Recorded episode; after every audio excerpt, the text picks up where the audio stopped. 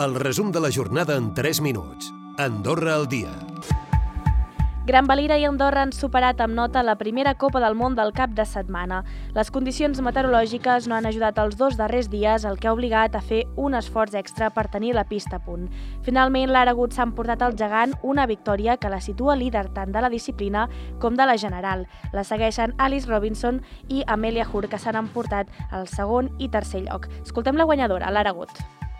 Just so happy. Uh, Estic molt contenta per la victòria. Ha estat una cursa dura i he fallat completament en la primera mànega perquè no he trobat la velocitat. A la segona he tacat amb un error al final, però finalment m'alegro que hagi sortit bé. L'organització ha fet una valoració positiva d'aquesta primera jornada Sol Déu i creuen que la previsió és millor per diumenge. Escoltem el secretari general de la Copa, Marc Mitjana. Estem tots molt satisfets i no res, a seguir, a seguir que demà en tenim una altra. Ha de ser una miqueta millor que avui. Crec que demà no farà falta aixecar-se a les 4 del matí, així que això ja és positiu, però bueno, escolta, un dia més ho donarem tot, eh, em sembla que serà millor i així que ho agafem molt optimistes i amb moltes ganes per seguir treballant igual. Per altra banda, els bancs consideren que estan homologats amb la Unió Europea. Així ho ha assegurat la directora general d'Andorra Banking, Esther Puigcercós, i l'entitat treballa amb el govern per poder afrontar el repte que suposaria l'acord d'associació amb la Unió Europea. Escoltem la directora.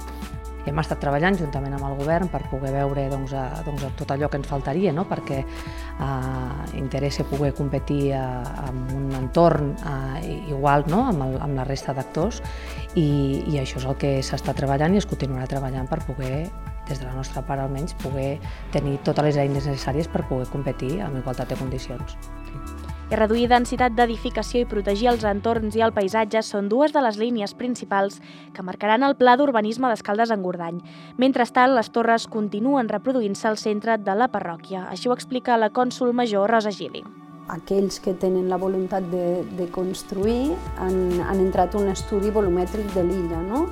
I ara està en aquesta, bueno, en aquesta fase de el comú ha d'acabar de veure mm, quin és el millor estudi volumètric en base al que, al que ells han proposat, a si hi ha hagut esmenes del, dels seus veïns, d'aquells que estan també dins de la, de la mateixa illa, i el comú ara doncs, estem treballant per acabar-los de definir això i va seguint el seu curs.